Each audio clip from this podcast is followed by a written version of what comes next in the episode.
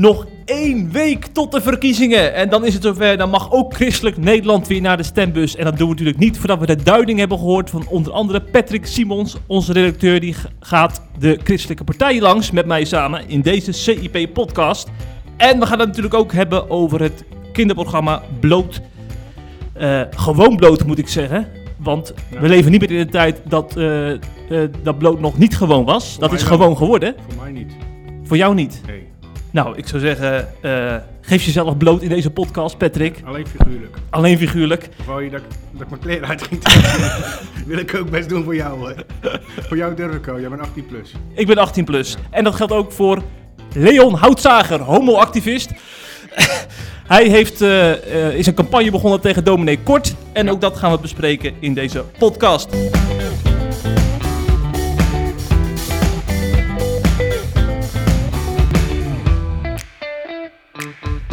Pet, het is jouw entree. Ja, dat klopt. Je bent eh, lang weg geweest, man. Ja, ik, heb, eh, ik ben gewoon veilig hoor. Ik ben veilig in Zeeland geweest. Oh al ja. die tijd. Ik heb genoten. Ik hoefde amper naar de Randstad. Dus eigenlijk, eh, dat was een van de grote voordelen van de coronacrisis. Voor mij dan. Jij noemt dat een voordeel. Ja, zoals je weet heb ik, heb ik niet zo op de Randstad, hè? Nee. Ik nee. blijf liever in mijn veilige Zeeland. Maar ja, als ze nou ook in Krimba naar IJsland regenboogvlaggen gaan zwaaien om een dominee weg te bonjouren, dan... Ja. Ze hebben het niet meer alleen, alleen over de Randstad. De Randstad komt dichterbij. Dat COC komt de brug van Tolen niet over. Dan moet, dan moet ik het persoonlijk opblazen. Ja, maar dat komt natuurlijk allemaal zo meteen. Ja. Want eh, zoals eh, onze luisteraars gewend zijn, eh, starten we onze podcast met de ergernis van de week.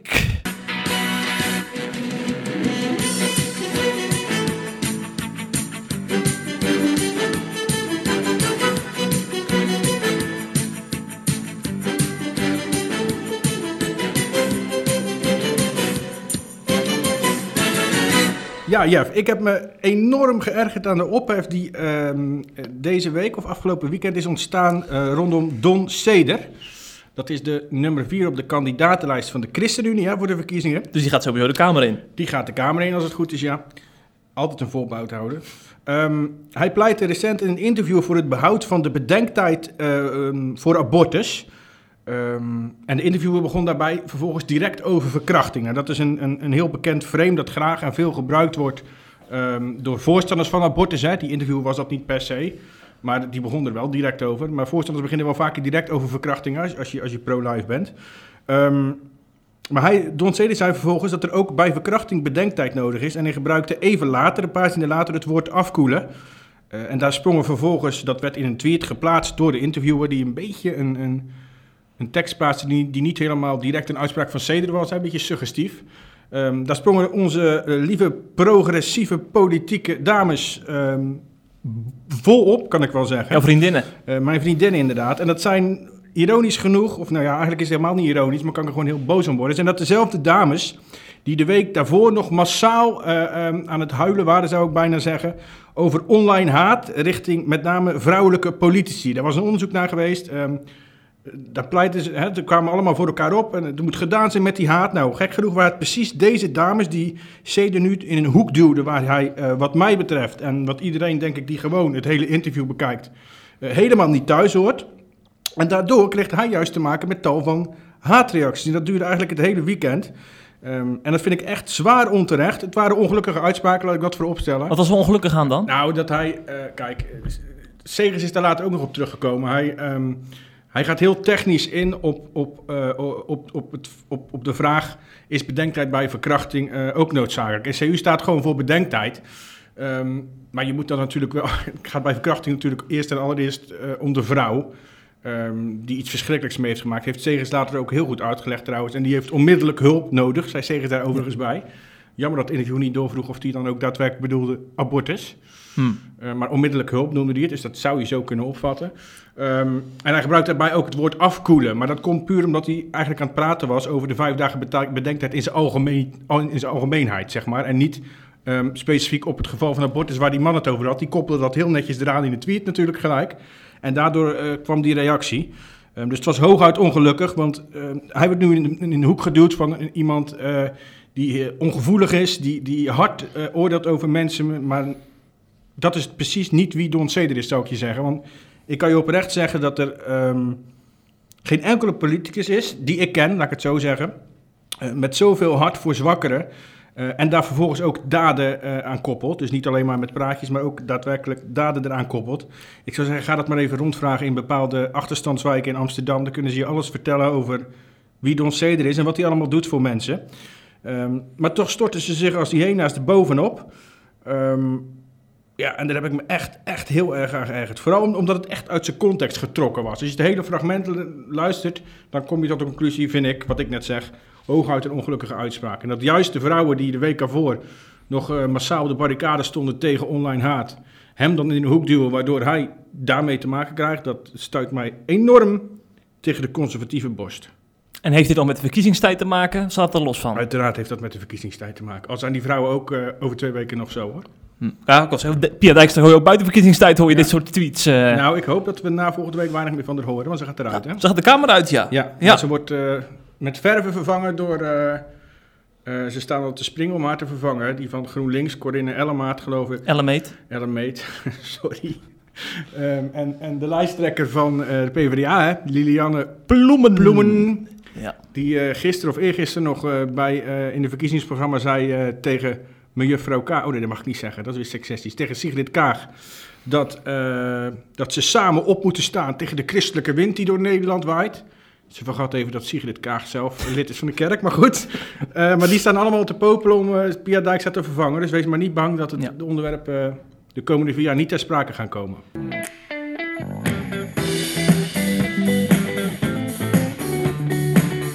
Het laatste nieuws uit christelijk Nederland bespreken we in de CIP-podcast.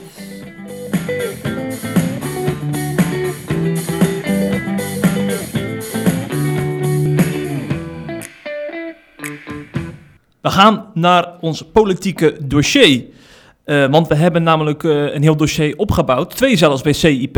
Jij hebt niet-christelijke partijen eh, uitgelicht. Ja. Onze collega Geert en de christelijke partijen. Ja. Nou, in deze podcast gaan we nog even op die christelijke partijen in zo'n week voor de verkiezingen. Ja. Dat lijkt me zo wel toepasselijk. En laten we dan beginnen met de kleinste regeringspartij, de kleinste christelijke regeringspartij. Of zijn ze überhaupt de kleinste? Ja, natuurlijk, ze hebben maar vijf zetels. Ja, ChristenUnie. Lekker bij de. Eh, de ChristenUnie, ja, daar is eh Gert-Jan Segers natuurlijk de voorman van. ja. Eh, jij hebt je wat verdiept eh, Ja, in ja. de partij. Nou ja, dat doe ik eigenlijk automatisch al. Hè. Wij zijn allebei een beetje politieke junkies. Ehm, ik moet zeggen dat ik me heel erg... eh, ik ben altijd wel redelijk kritisch op CU. Maar ik heb me deze campagne meerdere malen verheugd over de wijze waarop ze campagne voeren. Waarop ze zich onderscheiden, waarop ze zich laten zien.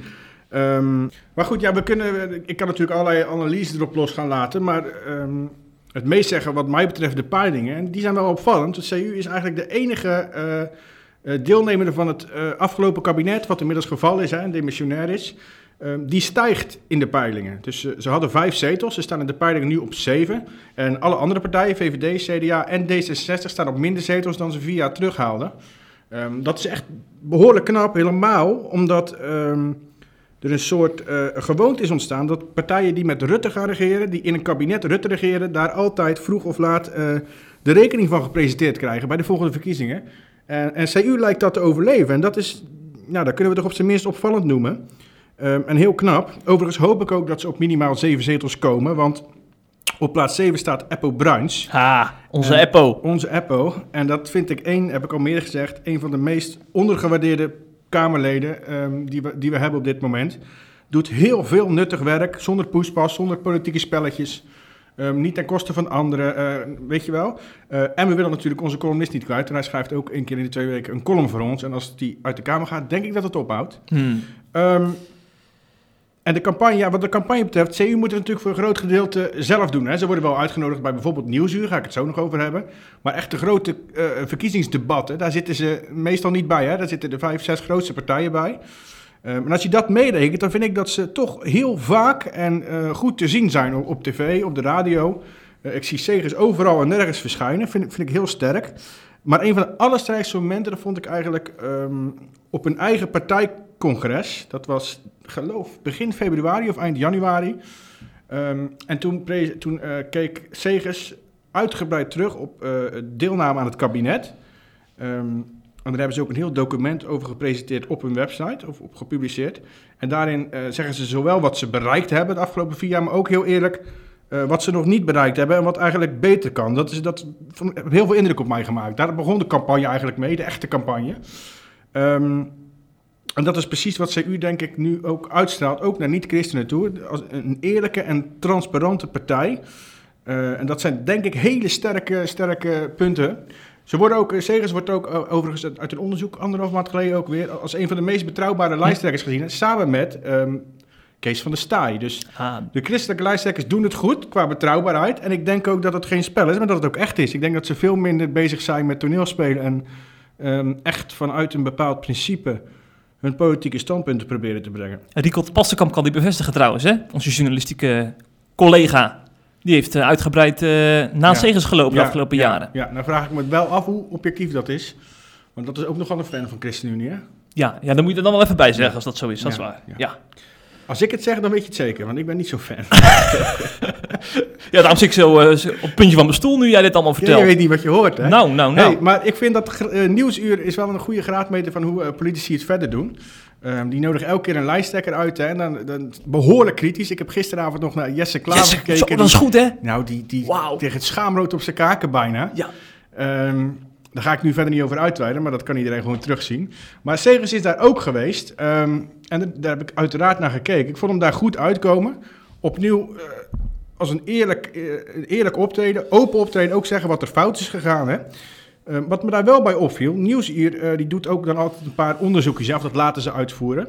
En dan hadden ze aan de um, achterban van de ChristenUnie, dus dat is belangrijk om te weten, want mensen die ChristenUnie hebben gestemd of gaan stemmen, gevraagd, uh, de stelling voorgelegd: ChristenUnie heeft dit kabinet te weinig idealen waargemaakt. En die uitslagen waren wel opvallend, want maar liefst 39% van de eigen achterban was het hiermee eens. Dus die zeiden eigenlijk ondergepresteerd in het kabinet, wat je eigen idealen betreft. Hè? En slechts 15%, dat is dus ja, meer dan de helft minder, was het eens met de stelling. En de rest, dat is dus een hele de grootste groep, die was neutraal. Natuurlijk werd Segers hier ook mee geconfronteerd. Dus uh, ja, ik zou zeggen, laten we naar zijn reactie luisteren. Je wilt niet um, grotere stappen zetten richting humanitair uh, asielbeleid. En waarom lukt het niet? Omdat er een meerderheid is die eigenlijk minder vluchtelingen wil, die minder goede zorg wil voor, uh, voor vluchtelingen.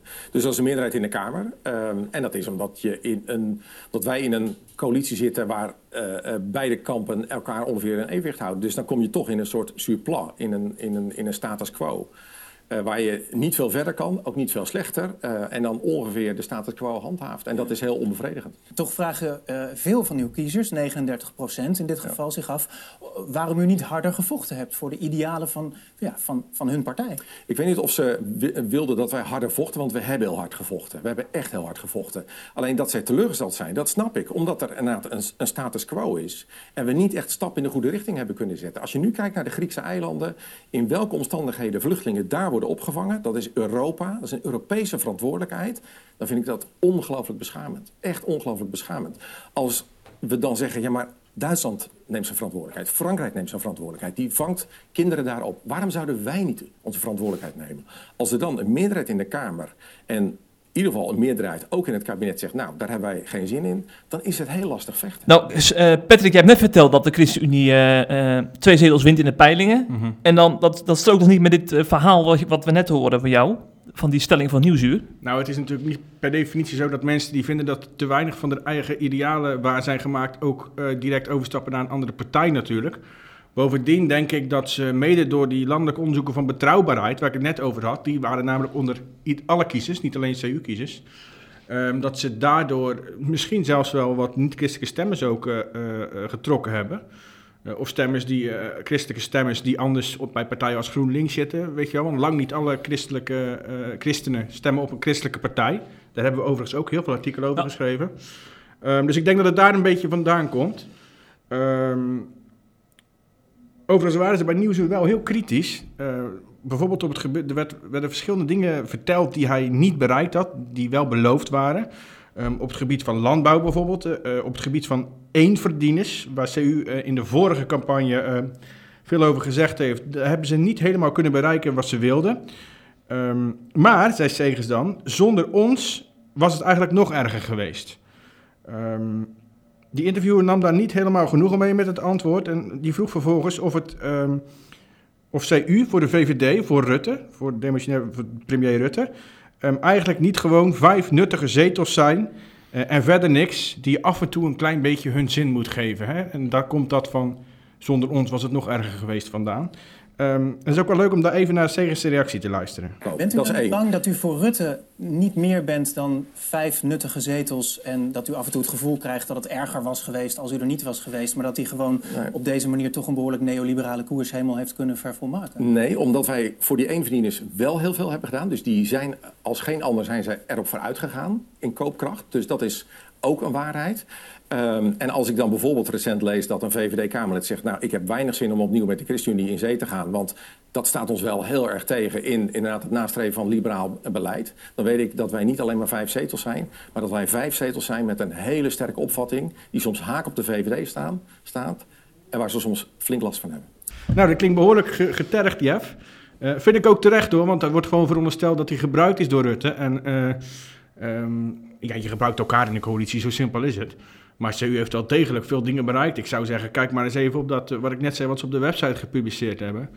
Um, een groot pijnpunt is denk ik Moria geweest voor CU. Ja, die vluchtelingenkinderen. Ja, ja, begon die nu ook over. Toen, toen, wat me overigens wel opviel, um, ze vroegen in het begin van het gesprek aan Nieuwsuur, wat, wat, was nu, wat zijn de grootste tegenvallers, de pijnpunten geweest de afgelopen vier jaar? Toen noemde die eerst de wiet-experimenten. Oh, ja. En toen pas begon hij over Moria. Ik denk dat het een foutje was. Mm. Het lijkt me sterk dat hij dat een grote pijnpunt vindt.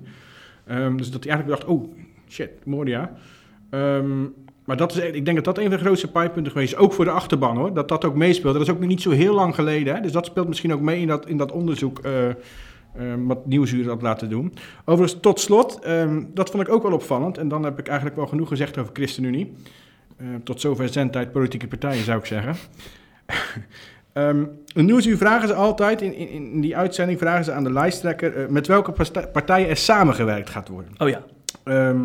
En dat ging bij Segers eigenlijk wel heel opvallend. Laten we luisteren. Nou, wij zijn een christelijk-sociale partij, dus wij, uh, christelijke waarden zijn voor ons belangrijk. En die sociale rechtvaardigheid, uh, het beschermen van kwetsbaren uh, is belangrijk. Een eerlijke verdeling van. En welke partijen horen daarbij? En als ik dan naar een combinatie zoek, dan kijk ik naar mijn vrienden aan de, in de christelijke traditie, CDA en SGP. Ehm, en als het gaat ook om sociale rechtvaardigheid, dan hebben we eerder samengewerkt met de PvdA en misschien is het goed om eens een keer in de herkansing, want het was niet helemaal een succes.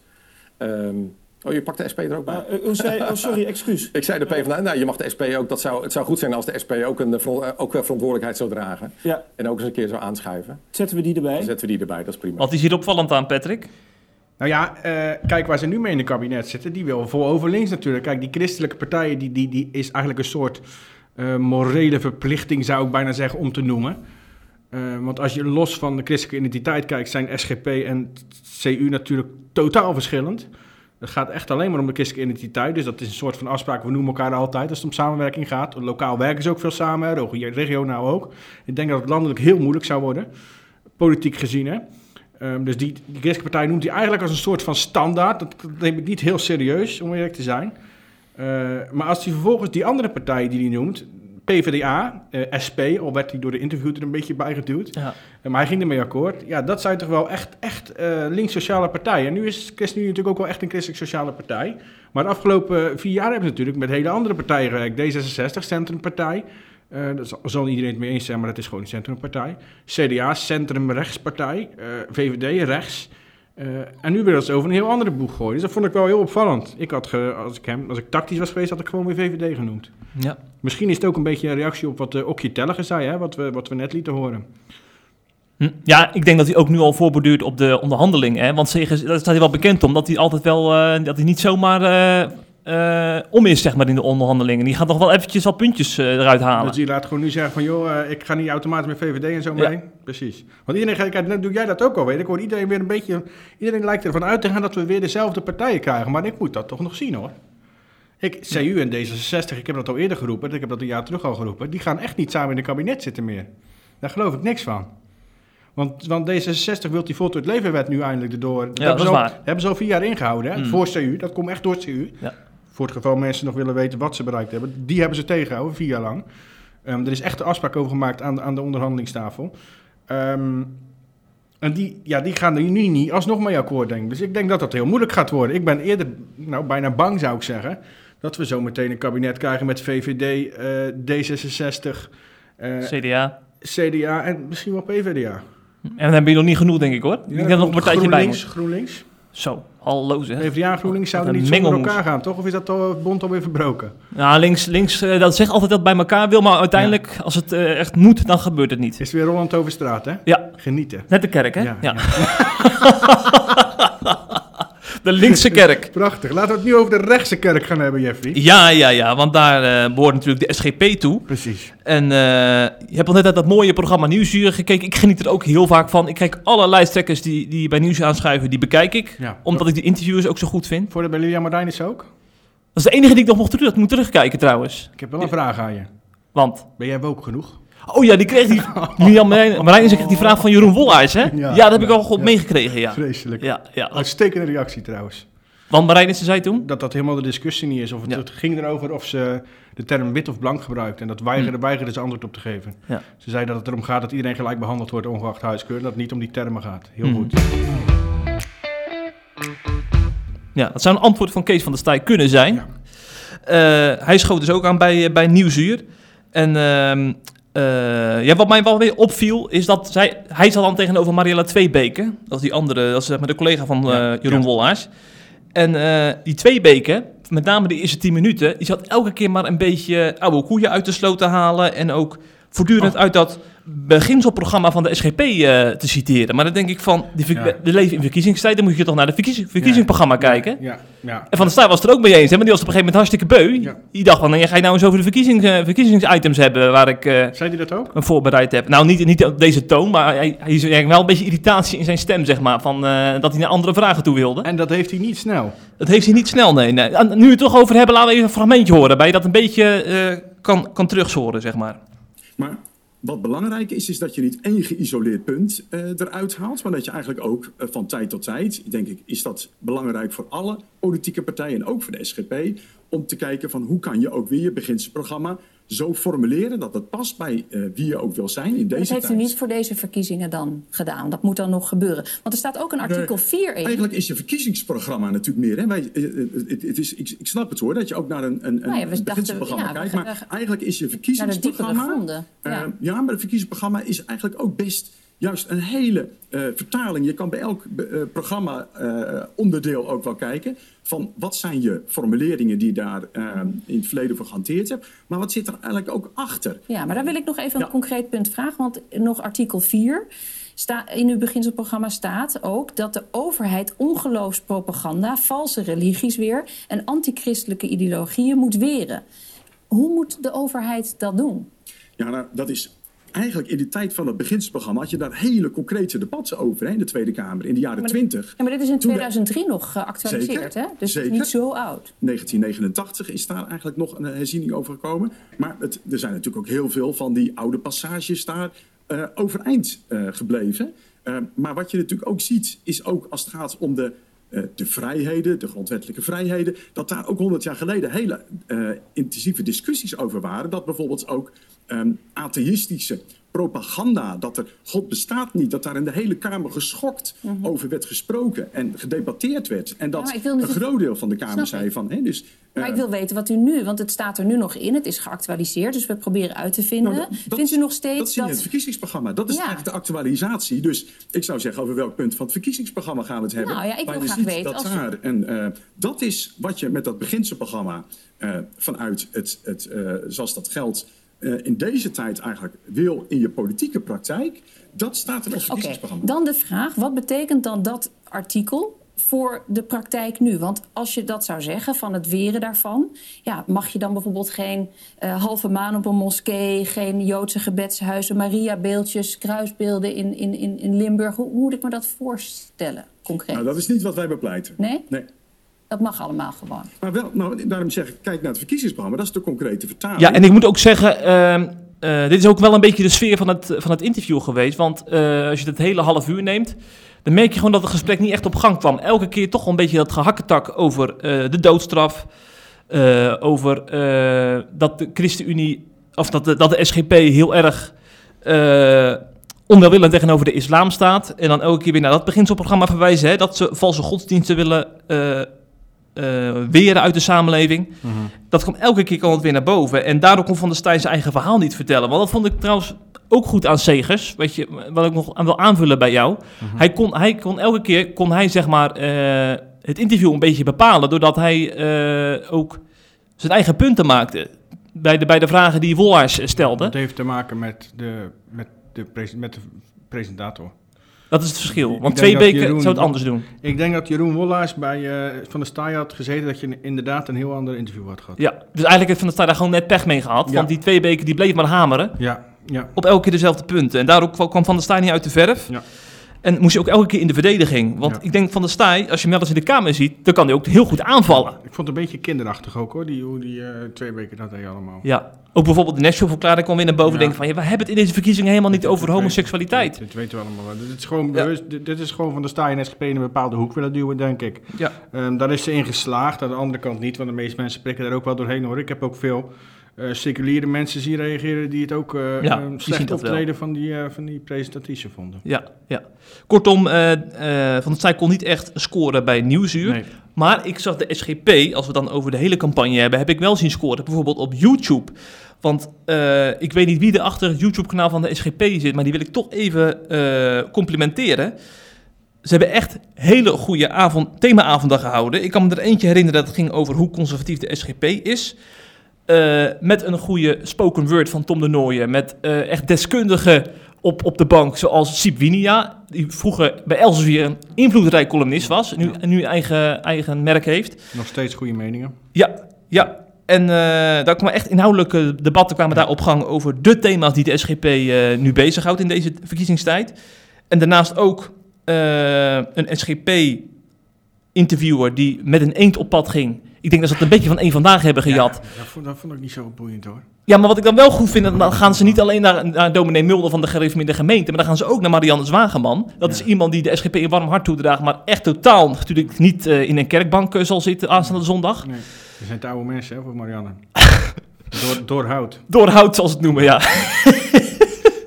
Daardoor zie je dat die partij bruist en leeft. Want al die YouTube-filmpjes, daar, wordt ook weer, daar worden ook weer kleine filmpjes van gemaakt, worden op Twitter gedeeld, op Facebook. Ja, ja. En bij de ChristenUnie en CDA heb ik dat nauwelijks gezien, weet je wel, van die, van die debatavondjes. En Studio eh, SGP hebben ze ook heel goed op Studio gepakt, SGP? ik. Ja. waar ik ooit nog een kritische column over heb geschreven, maar daar moet ik toch even op terugkomen. Dat hebben ze bij, met terugwerkende kracht keurig gedaan. Toch goed gedaan. Goed gedaan, met ook eh, leuke discussie met bijvoorbeeld iemand van D66. Niet alleen maar eh, in je eigen bubbel terug. Oh, wie, terug. wie zat er ook? Kees Verhoeven was Oh, Kees. Verhoeven. Oh, ouwe. Ga maar snel door. Ah! Dus al met al, ik zou zeggen een onvoldoende voor de nieuwste uitzending, maar een dikke voldoende voor de rest van de campagne. Ik denk dat ze ook die vierde zetel gaan binnenhalen. Want Nee, dat denk ik niet. waar- waarom Nee, niet? dat denk ik gewoon niet. Het worden er gewoon drie. Ook omdat op rechts er nu zoveel gedoe is met, met die Baudet en Ja, eh, ja, mensen gaan- de PVV te radicaal vinden. Ik, ik denk dat die niet naar, die gaan naar Code Oranje of die gaan naar... Ja, eh, 21. eh, ja, 21. eh, Ja. De Judas-alliantie noemt dat dat, hè? ja, 21. Maar ik denk dat die eerder... Er zullen wel enkele naar SGP overstappen, maar ik denk dat de meeste seculiere mensen, seculiere rechtse mensen, toch nog heel veel moeite hebben met hoe SGP Ja, over bijvoorbeeld het homohuwelijk denkt. Ehm, de positie van de vrouw wordt daar altijd toch weer bijgehaald. Dus ik denk dat dat voor de meesten toch nog wel een te grote stap is. Hoor. Ze zullen er misschien iets, te- iets, iets, een klein beetje stemmers vandaan trekken, maar ik denk niet genoeg voor de vierde zetel. Ik hoop het natuurlijk wel. Want ik ga persoonlijk op SGP stemmen. En als die vierde zetel binnen is, dan gaat de SGP-vlag uit daar op Tolen. Nou, daar moet je niet over dan gaat de, de, de vlag voor het ongeboren leven uit. Want dat is de oh ja. reden waarom ik op hun stem. Ja.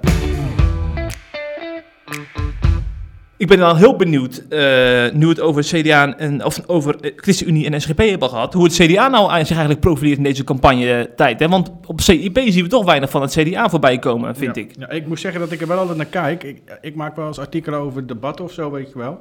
Ehm, en dan, dan bekijk ik de bijdragers van de christelijke partijen. Maar dan wordt er zo weinig inhoudelijks gezegd waar ik van denk dat Hugo toe aan het artikel dat het meestal maar een heel klein lineaatje wordt.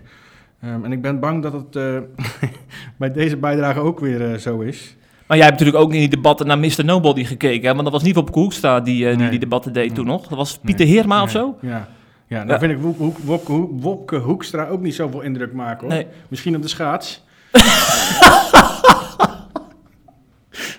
Maar ik, ja, ik, ja, ik vind het ook een beetje een draaikont die een beetje met alle winden meewaait. En voor mij is het ook, eh, zijn het ook niet de grote, grootste tactische uh, meesterbreinen bij het CDA. Want die laatste over die WW begon. Dat was van Ja, ze willen de WW eh, willen Ja. ze eh, ver- verkorten van twee naar één jaar. Ja, goed, ja. goede timing. Nou, ja, in coronatijd, Ja. ja. maar ook gewoon nu, ook vlak voor de verkiezing daarover beginnen openlijk. Hm. Want voor mij werd er niet eens naar gevraagd. Voor mij begonnen ze er zelf over. Ja. Dus een ja, maar goed.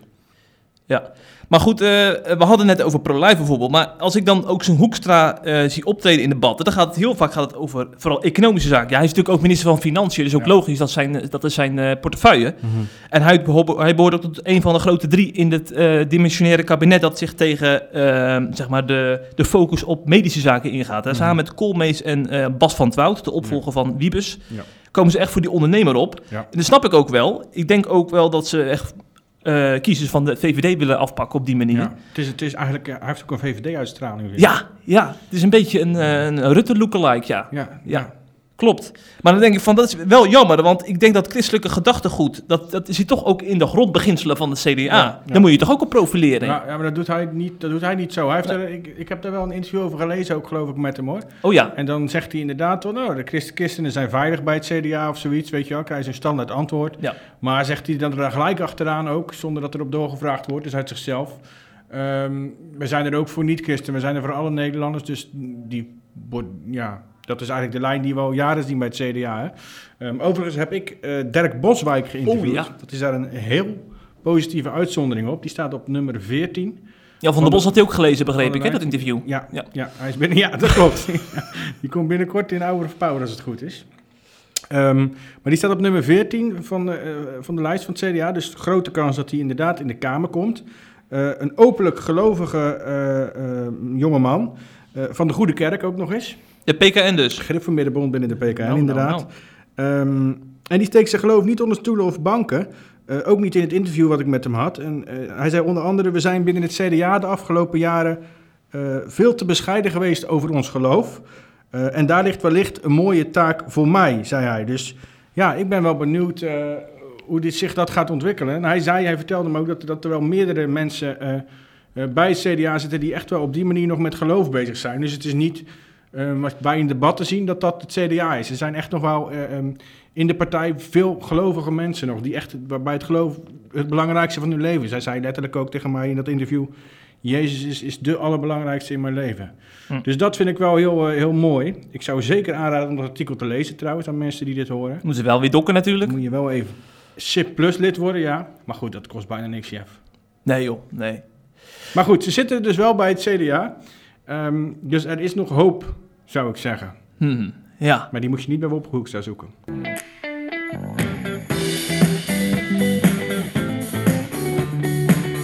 Het laatste nieuws uit christelijk Nederland bespreken we in de CIP-podcast.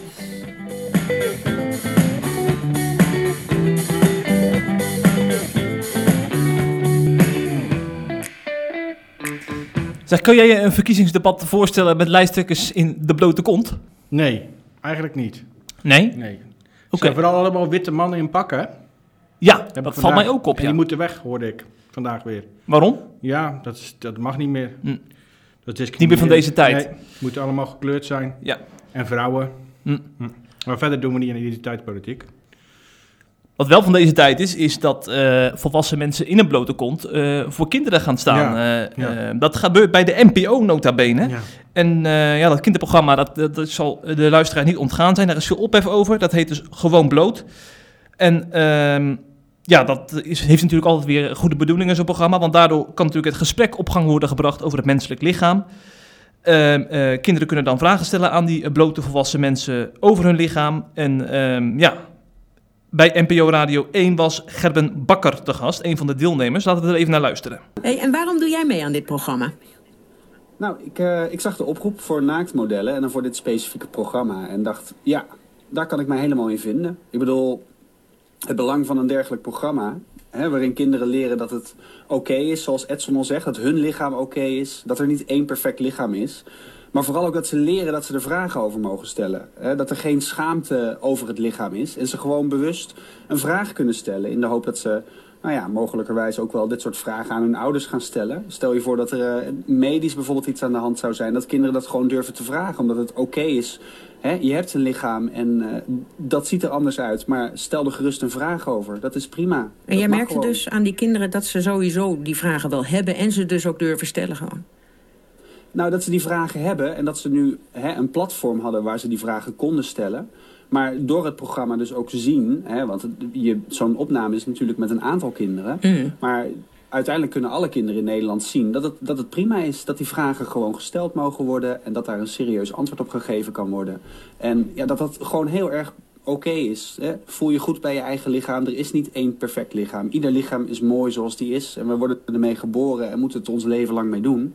En wees daar trots op en zuinig op. En ja, als daar een vraag over naar voren komt, stel hem. Ik bedoel, vragen is nooit dom. Ja, dit fragment zag ik dus in mijn timeline volgens mij wel een stuk of acht, negen keer terugkomen. Want uh, dit fragment uh, heeft tot zoveel ophef geleid bij conservatieve christenen dat er uiteindelijk ook een petitie uh, aan te pas is gekomen. En die komt op naam van evangelist Daniel van Deutenkom. Hij is een petitie gestart om dat programma toch van de buis te halen en om te wijzen op uh, de, ik citeer, walgelijke uitzendingen die zij gaan maken. En die is inmiddels al meer dan 85.000 keer bekeken. Nou, daar moeten we hem toch even voor complimenteren, deze ja. Daniel. Doet ja. hij goed? Ja.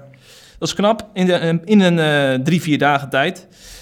Ook SGP-voorman Kees van der Stijn mag natuurlijk niet ontbreken. Hè? Want uh, als het om dit soort zaken gaat, dan moet hij ook wel even wat kamervragen stellen. Zo, die was, waren er snel bij hoor. Die waren er snel bij. Ja. Ik citeer. Het gaat mij veel en veel te ver als dat gebeurt door leerlingen op de basisschool te confronteren met poedelnaakte wildvreemden in de klas. Hoe kom je erop? Hij sprak ook nog over bizar. Nou, als Kees van der Staaij het woord bizar in de mond neemt, dan is er ook echt wel wat aan de hand. Um, we hebben Daniel van Deuden nog geïnterviewd. Die staat vandaag op CIP bovenaan.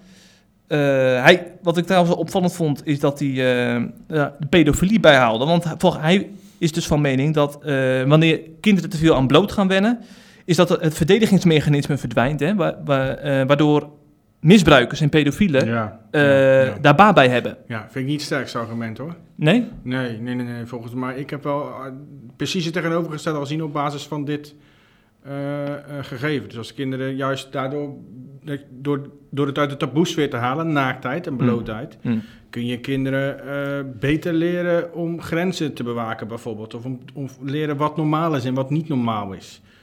Mm. Um, Overigens ben ik nu niet ineens aan het pleiten voor dat programma, want ik vind het een walgelijk programma. Maar ik ben sowieso tegen bloot in het openbaar. Maar goed, dat is, dat is niet eens nog vanuit mijn geloof, maar gewoon van, omdat ik gewoon een oer conservatief ben. Ja. Maar ik denk wel dat het goed is om even de nuance te maken, want die programmamakers, uh, ze worden nou ook in, in, de christelijke wereld een beetje afgeschilderd als, uh, uh, ja, wat zal ik zeggen, een soort van vervuilers van de, van de nationale tv. Maar ja. ik denk wel dat ze goede bedoelingen hebben. Want bijvoorbeeld op TikTok en Instagram, ja, daar komen allemaal van die uh, gefotoshopte foto's voorbij. Waardoor kinderen een beetje beeld hebben van ik moet ook zo zijn. En nu ze de naakte werkelijkheid onder de ogen komen, letterlijk en figuurlijk. Ja, maar dat vind uh, ik een taak van ouders, niet van... Uh, ja, dat zit daar niet over komen Niet van publieke televisie. Nee. confronteren met wildvreemde naaktheid. naaktheid kunnen ze bij de ouders zien, toch? Dat vind ik niet zo raar, dat kinderen hun ouders naakt zien bijvoorbeeld. Nou ja, er zijn ook gezinnen waarin dat taboe is. ja, je... maar dat, dat vind ik een heel andere discussie. Ja. Ik denk dat dat, dat, dat, dat normaler is. Om, om ze, daar kan je namelijk hetzelfde leren, snap je? Maar niet publiekelijk op televisie confronteren met vreemde, naakte mensen. Ik vind dat wel een paar, paar stapjes te ver gaan, zeg maar. Ja, dat het te ver gaat, dat snap ik. Maar dan vind ik het wel weer makkelijk. Want ik, ik, ik zie alle columns alweer voor me dadelijk in het Reformatorisch Dagblad dat het allemaal niet kan en zo. Maar dat vind ik een beetje makkelijk. Ik denk van zo'n reformatorische omroep of zo. Of, of uh, uh, ik noem maar wat, uh, een of andere commissie van de Christelijk Gereformeerde Kerk. Die moeten hier toch ook over nadenken van hoe je seksualiteit bespreekbaar ja. maakt tussen ouders en kinderen. Ja, maar wat jij nu eigenlijk zegt is, um, wij doen het in, of wij, gedeeltes van het christendom die houden seksualiteit, naaktheid, het lichaam te veel in de taboesfeer. Dus mogen ze niet zeuren over dit programma. Dat zeg je nu eigenlijk. Dat nee, nee, nee, nee, nee, nee. Het feit dat ze kritiek hebben, betekent niet dat ze Klopt. niet naar hun eigen kring en hun eigen wereld en hun eigen leefwijze kunnen kijken ja. op dit gebied. Want daar is zeker een hele hoop ja. uh, in te leren en, en nog stappen in te zetten. Hm. Maar dat zegt uh, dat betekent niet, dat zegt niks over dit. Dat is gewoon een andere discussie. Nee, dat is waar. Maar ik vind het te makkelijk als het alleen bij een petitie blijft, weet je wel. Ik denk van, ja. er moet dan ook een vervolg aan worden gegeven. Van, ga dan ook het gesprek thuis aan. Want dan heeft het tenminste nog een beetje zin, zeg ja. maar, waar we het nu allemaal over hebben. Ja, misschien moeten wij daar eens een artikel over maken. Ja, dat is leuk met, met wat deskundig of zo bedoel je. Ja, Kokkie Drost. Kokkie Drost. Ja. Nee, die, die heeft wel eh, wat te vertellen hierover, denk ik. Ja, Ja, dat denk ik ook. ja, of ze dat tegen ons wil doen, is maar de vraag. Dat is de vraag, ja. Ja. Nou, ik heb in ieder geval eh, geen tijd voor dit artikel. Dus bij deze roep ik mijn collega Nienke op om dit op zich te nemen. Via de podcast ook. ja, want ik heb helaas ook geen tijd. Ik kreeg ook... Nee, nee. Ik kan ook en ik ga antwoorden. Die stuurde het ook weer iets door. Vandaag bellen, kan ik ook sturen. Ik heb geen tijd, maar het niet doen. Nee, maar ik... Ja, ik vind het wel goed om daar... Want je, wij, wij zijn... Voor ons geldt precies hetzelfde als wat jij zegt natuurlijk. Hè? Jij kunt dat nu wel zeggen in de podcast. Maar ik denk dat wij daar dan ook een verantwoordelijkheid in hebben. Ja. Dat doen wij overigens zelf, vind ik hoor. Want ik vind dat wij veel aandacht aan zulke onderwerpen besteden. Ehm, en dat wordt ons lang niet altijd in dank afgenomen. Mhm. Eh, maar ja, ja, dit programma is wat mij betreft eh, totaal... eh, gaat alle grenzen over, wat mij betreft zeg ik erbij. Ehm, tegelijkertijd vind ik dat, eh, dat we als eh, christendom, en dan met name conservatief christendom... wel wat stapjes eh, mogen nemen nog. Om, dat kan namelijk ook heel veel ellende voorkomen op seksueel gebied. Door erover te praten bedoel je? Door erover te praten met kinderen. ehm, of op jeugdverenigingen enzovoort. Ja. Maar dat kan je ook met je kleren aandoen hoor. dat hoef je echt niet naakt te doen. Ja, maar dat was mijn eerste gedachte toen ik die fragmentjes bij het jeugdjournaal zag. Ik denk van als, als dit gewoon met de kleren aan eh, dit Ja. gesprek wordt gevoerd, is het, is het gewoon hetzelfde Ja. effect, toch? Ja, het gaat om die onvolkomenheden te laten zien. Ja. ja, Ja. ja. Maar Oh. goed, ja, die perfecte lichamen waar, ze dan, die, waar jij net noemde, hè, de tegenhanger op Instagram en TikTok en zo, die zijn ook niet naakt hè. Mhm. Die zijn ook gewoon met kleren aan perfect. Dus je kan ook met kleren aan je imperfectie laten zien, toch? Hm. Je moedervlek, of je te brede dijen, of je eh kromme benen, of je eh, lange neus, of eh, ga zo maar door. Mhm. Ja. Ik zit nu te denken over- aan, aan een bruggetje die ik ga maken naar Dominic Kort, maar dat ga ik toch maar niet doen. Daar ga ik Nee. me niet aan wagen, want die stort natuurlijk per direct in. Ja, nee, dat zou ik ook maar niet doen. Dus laten we dan, dan gewoon een jingle laten horen dan. Ja. Ja, we gaan deze podcast afsluiten met Dominee Kort. En voor de mensen die Dominee Kort niet kennen, dat is eh, een predikant uit de oud-gereformeerde gemeente in Nederland. Dus dat is behoorlijk aan de rechtse kant van de gereformeerde gezinten. Ja. Hij zal niet preken in de Hervormde Kerk in Tolen. Nee, Daarvoor is hij net iets eh, te rechts ja, nou ja, terecht, dat is niet helemaal waar. Hij is gewoon van een andere kerk. van een ander kerkverband. Ja. Maar wel ook een uitzonderlijk klein kerkverband, hè? Ja, Ik ja, zie ook behalve een krimpen. ja, Krimp aan de IJssel, ja. Behoorlijk. Volgens mij heeft hij 1500 eh, leden. Ja, ja, precies. En eh, deze dominee is regelmatig in het nieuws, was ook regelmatig eh, op CIP te vinden, omdat hij al een jaar terug, in het begin van de coronatijd, een brief had geschreven aan de gemeente Krimp aan de IJssel. Was als, een, als een lief briefje was dat bedoeld. Ik zit hier Ja, zijn vrouw eventjes. Ja, Want de gemeente heeft natuurlijk zwaar in deze coronatijd, dus wilde hij ze bemoedigen op zijn eigen manier. Want eh, daar hoort natuurlijk ook een oproep tot bekering bij. Hij vindt dat ons land behoorlijk is afgedwaald. Dus kun je tot, je tot de gemeentelijke Ja. overheid wenden om Ja. dan ook dat geluid te laten horen. En dat recht heeft hij. Dat recht heeft hij. Dus hij wees in die brief onder andere ook... Precies. Nou, weet je wat? Ik ga gewoon citeren, want Doe dat zie ik vaak in de media. Dan wordt dat uit de context gehaald, Ja. terwijl je gewoon dat letterlijke citaat natuurlijk moet aanhalen. Veel beter. Veel Ja. beter. In die brief schreef hij: Het regeren van de overheid dient weer geheel afgestemd te worden op Gods wil en wet. De overheid dient God te erkennen en de afgodstempels af te breken en de duivelsdienst niet toe te laten. Zij behoort een voedst- voedsterheer van Gods kerk op aarde te zijn. Haar abortusbeleid dient, drastisch veranderd te worden. Het leven in prille aanvang verdient alle bescherming. De praktijk van euthanasie moet ophouden. De zondag niet langer ontheiligd. De roepende zonden die tegen de scheppingsorde indruisen, dienen uitgebannen.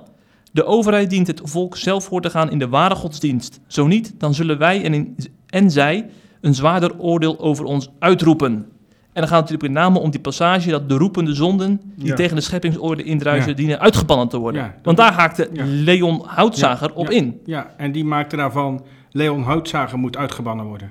Precies. Maar dat... dat staat er niet. staat er absoluut niet. Dat en zo staat kwam er het. zeker niet. Dat wat ik heel kwalijk Ja, vind, dat is maakt dat de het, hele media er ook van. dat het inderdaad zelfs bij de NOS op die Ja, manier ja. eh, in het bericht kwam. Ja, daar maakte jij je boos om, hè? Dat heb ik gezien. heb ik op Twitter gezet, ja. Ja, En terecht. ja, want ik denk van als je dat als NOS gaat doen, dan krijg je Olaf Latsel praktijken. Dus misschien kun jij dat toelichten, Olaf Latsel. Nou, dat is wel een iets ander verhaal, hoor. Eh Olaf Latzo is een Duitse predikant en die wordt al jaar en dag eh lastiggevallen ehm, ehm, door homoactivisten vanwege zijn eh, eh, standpunten op het gebied van homoseksualiteit. Ehm, en met lastiggevallen bedoel ik een auto beklad, een auto bekrast, bedreigd, doodsbedreigingen. kerken met eh, ehm, blasfemische leuzen beklad, eh, erediensten verstoord, mensen die eh, half bloot bij de kerk gaan demonstreren als kerkgangers naar kerk gaan. Heel op, obscene. En dat, heeft, eh, dat hebben ze net zo lang volgehouden tot hij zich een beetje liet gaan. Of een beetje, hij zich volkomen uit de bocht vloog. En eh, ook heel harde uitspraken deed over homoseksualiteit. Ik weet niet, even direct heb ik voor de hand ehm, wat die uitspraken zijn. Dus dan kan ik het beter niet zeggen, anders zeg ik het verkeerd. Eh, maar dat waren vrij harde uitspraken. Ja. En die werden ook nog opgenomen en op internet toevallig gezet, omdat het een huwelijksseminar betrof. betrof. Ehm, en die is vervolgens veroordeeld voor volksopruiming. Ehm, omdat ze, eh, de overheid zei, hij, hij roept op tot geweld tegen eh, homoseksualiteit en het is belediging enzovoort enzovoort. Ehm, alleen, ehm, hij had het, die uitspraken waren gericht op de homoactivisten bij zijn kerk. Die hem dus al zo lang, hem en zijn kerkgangers al zo lang lastigvallen. Eh, en niet op de homoseksualiteit in zijn algemeniteit. Hij noemt het voor mij criminaliteit, of crimineel gedrag, homoseksueel. Maar hij had het dus bewust over die activisten bij zijn kerk. En is nu veroordeeld voor volksopruiming en er komt een hoger beroep. Eh, en tot die tijd is hij ook door zijn eigen kerk geschorst. Door de eh, overkoepelende kerk, voor de Mm. duidelijkheid. Zijn eigen kerk en hij staat helemaal achter hem en zijn gemeente. Want die weten namelijk wat hij heeft meegemaakt. Ehm, maar die ging dus nog wel wat verder in zijn uitspraken Ja. hoor. Ja, ja. Alleen, die had daar ook wel... Ik snap ook wel dat je niet goed, afkeurenswaardig... eh, maar die was jarenlang getreiterd. Hmm. En, en Daar geïntimideerd. ging wat aan vooraf. En gepest. Ja. Ja, Ja. Maar dat zou bij kort ook uiteindelijk, als er nou elke zondag mensen die kerk gaan Ja, beklagen. want ze gaat er niet bij laten, denk En, ik. eh, nee, maar in, op dit moment zijn er vooral demonstraties Ja. enzovoort geweest, maar nog niet dingen als bij Dat. Dat er, Ja. Of, dat weet ik trouwens niet. Misschien heeft hij wel doodsbedreigingen binnen gehad, dat weet ik helemaal niet. Maar in ieder geval niet dat de kerk beklad is of dat ze echt met Nee. bloot, bloot, ontblote lijven daar gaan staan enzovoort. Dat is nog niet gebeurd. Maar als dat blijft, stel als ze dat ook gaat doen, dan kan het een vergelijkbaar geval worden. Dan, ja, precies, dan ligt het op de loer. Maar de situatie van kort nu is zeg maar de situatie van jaren geleden bij Lazzo. En dat is Mhm. uiteindelijk zo ver doorgegaan dat het geëscaleerd is in wat er nu is gebeurd. Maar dat is nog niet vergelijkbaar. Nee, nee, nee. Het blijft inderdaad tot nu toe nog bij eh, demonstraties. Precies. Zaterdag waren er 300 mensen in Krimp aan de IJssel bijeen om ook protestbrieven te overhandigen aan de burgemeester. Ja. En die heeft hij ook in ontvangst genomen. En ehm, Dat zal ze leren. maar je je moest ook nog lachen om de opmerking van jou. Maar jij had nog een tweetje gedeeld dat, dat, eh, dat er een of andere regenboogsticker vlak bij de kerk of zo op een lantaarnpaal werd geplaatst. Ja. Ja, dat zal ze ook leren, hè? Ja, dat zal ze leren, ja.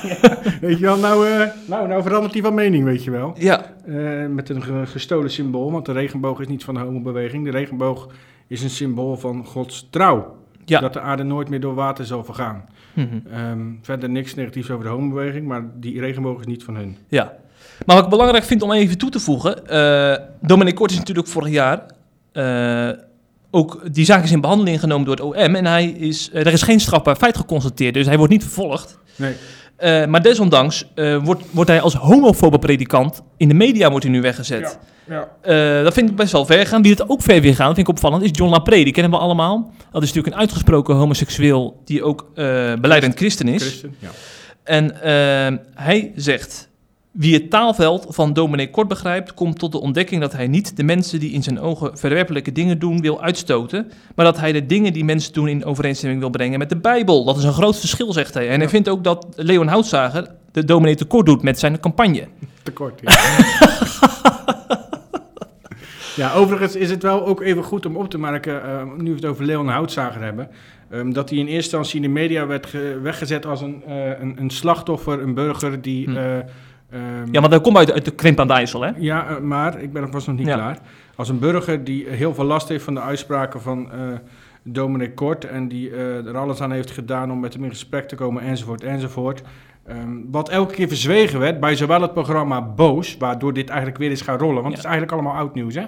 Ehm, maar door Boos, is het, dat is een programma van Tim Hofman, is het weer gaan rollen. Bijna een miljoen keer bekeken inmiddels. Ja, precies. Heel kwalijk. Maar dat, is dat allemaal weer gaan rollen. En daar vergeten ze te vermelden dat Leon Houtzager gewoon werkzaam is bij het COC. Leon Houtzager is gewoon een activist. Dat mag trouwens, hè. En dat betekent niet dat hij zich niet gekwetst kan voelen. Maar ik vind dat wel waardevolle informatie om te gaan vertellen in zo'n programma als Boos.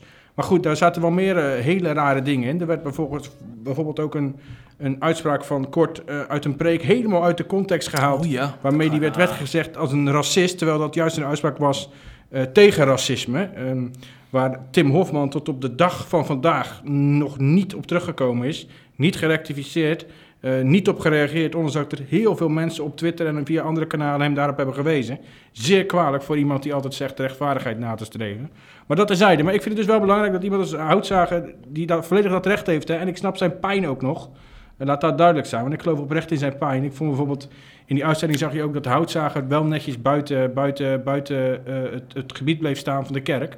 Tim Hofman ging Ja. brutaal de dingen op, hij zei nee, dat doe ik niet.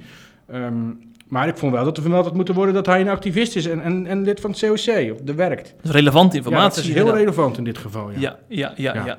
Maar goed, laten we dan toch ook even met een kritische noot afsluiten richting dominee Kort. Want ik vind wel, eh, hij heeft een publieke functie. En nu die, Ja. hij, nee, eigenlijk volgens mij heeft hij de, de, de stekker uit, uit het stopcontact getrokken van de telefoon. Want niemand krijgt hem meer te pakken. Nee. Hij doet het met een schriftelijke re- reactie, doet hij het af bij het Ja. RD. Ja. Natuurlijk een veilig medium. Ja. Maar ik denk van, je mag niet wegduiken als Ja, er zoveel media-aandacht is. Je moet nu juist eh, je standpunt laten Vind- horen. Vind, ik ook te makkelijk. Ik vind Ja. het überhaupt, ben ik het helemaal niet met dat standpunt eens.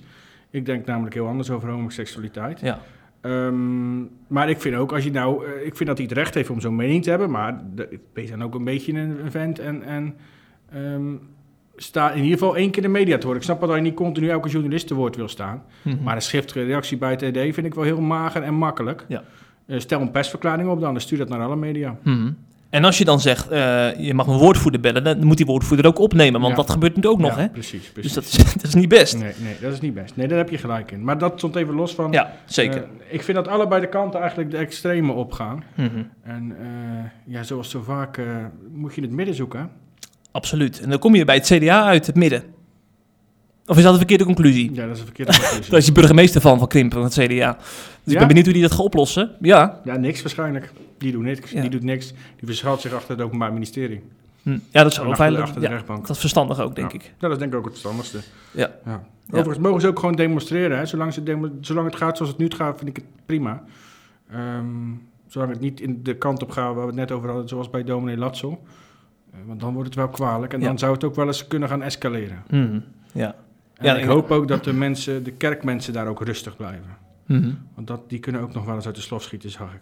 Ja, dat kan zomaar gebeuren. Ja. En dan krijg je zomaar Petrus-praktijk, Ja, hè? met het oren van Malchus. Ja, nou, laten we dat niet hopen, zeg. Nee, nee. het oor nee. van Leon Houtzager dadelijk eruit. zou niet best zijn. Het zou niet goed zou zijn. geen reclame zijn, nee. Absoluut niet. Nee. Nee, ehm, ja, eh, wij gaan nog even reclame maken voor CIP, want blijf ons de komende tijd volgen, want de verkiezingen die volgen wij natuurlijk ook op de voet, met alle laatste nieuws en opinies. Ja. Want we hebben goede columnisten wij, ongelooflijk. Oh ja? Ja, vind ik wel. Ja, jij. ik heb wel een keer geschreven pas, Nou, ja. Ik denk dat er komende week weinig opinies zullen zijn, hoor. Dat Ja? zal wel na de verkiezingen pas komen. Komende week zullen vooral nieuws zijn, we moeten. Ja. Nieuws en een paar interviews. Moet, nieuws en, ja, dat is het, denk ik. Hm. Hm. Debatten, hè? Er zijn nog een paar debatten. Vanavond is een Het christelijke, Ja. ja, lijsttrekkersdebat, ben ik Ja. benieuwd naar. ja, Want dan gaat Hoekstra zich eindelijk wel eens misschien eens profileren op christelijke thema's. en daar ben ik heel benieuwd naar. Ik ben vooral benieuwd naar Hoekstra, ja. Van Ja. de Segers en Van der Staaij weet ik nou intussen wel. Wat die, ik weet, denk dat ik allemaal weet wat ze gaan zeggen op bepaalde gebieden. Ehm, ik ben ook benieuwd of ze elkaar gaan aanvallen. Ik vermoed dat het wel heel erg mee zal vallen, Segers en Van der Staaij. Hm. Maar eh, misschien wel een front samen tegen CDA, wie weet. Ja, En ik ben benieuwd hoe Hoekstra daar, eh, daar eh, uit gaat komen.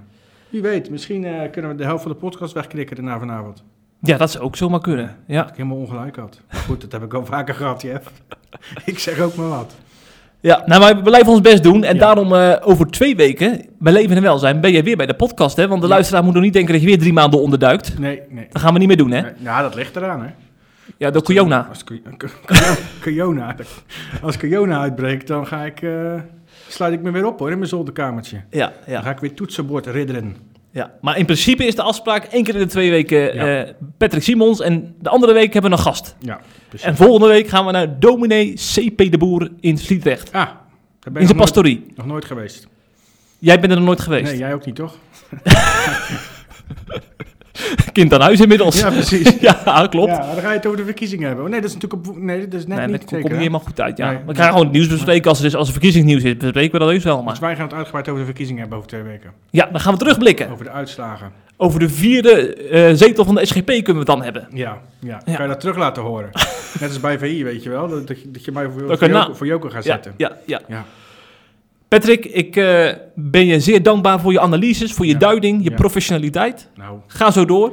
Ja. ja, ik ga inderdaad zo door naar Zeeland. Ach, dat is ook altijd hetzelfde liedje, hè? Dan moet je naar buiten kijken, Jeffrey. Hier zit je toch niet voor je plezier? Het is wel een beetje grijs, ja. Grijs, grauw, precies wat de Randstad is. Grijs, grauw, saai. ja. Nou, dan ga jij weer lekker naar je, naar je provincie toe. Ook goed. Naar je provincie. Dat ga ik inderdaad doen. En dan ga ik een mooie wandeling maken om mijn hoofd leeg te maken. Heel goed, heel goed. Belangrijk, ook in deze coronatijd. Absoluut. Ik denk dat daar meer mensen over denken, want het is altijd heel druk bij het wandelen. Kijk aan. Ja, nou, ik overweeg ook nog een klein ommetje. Luisteraars, tot de volgende keer. Ja.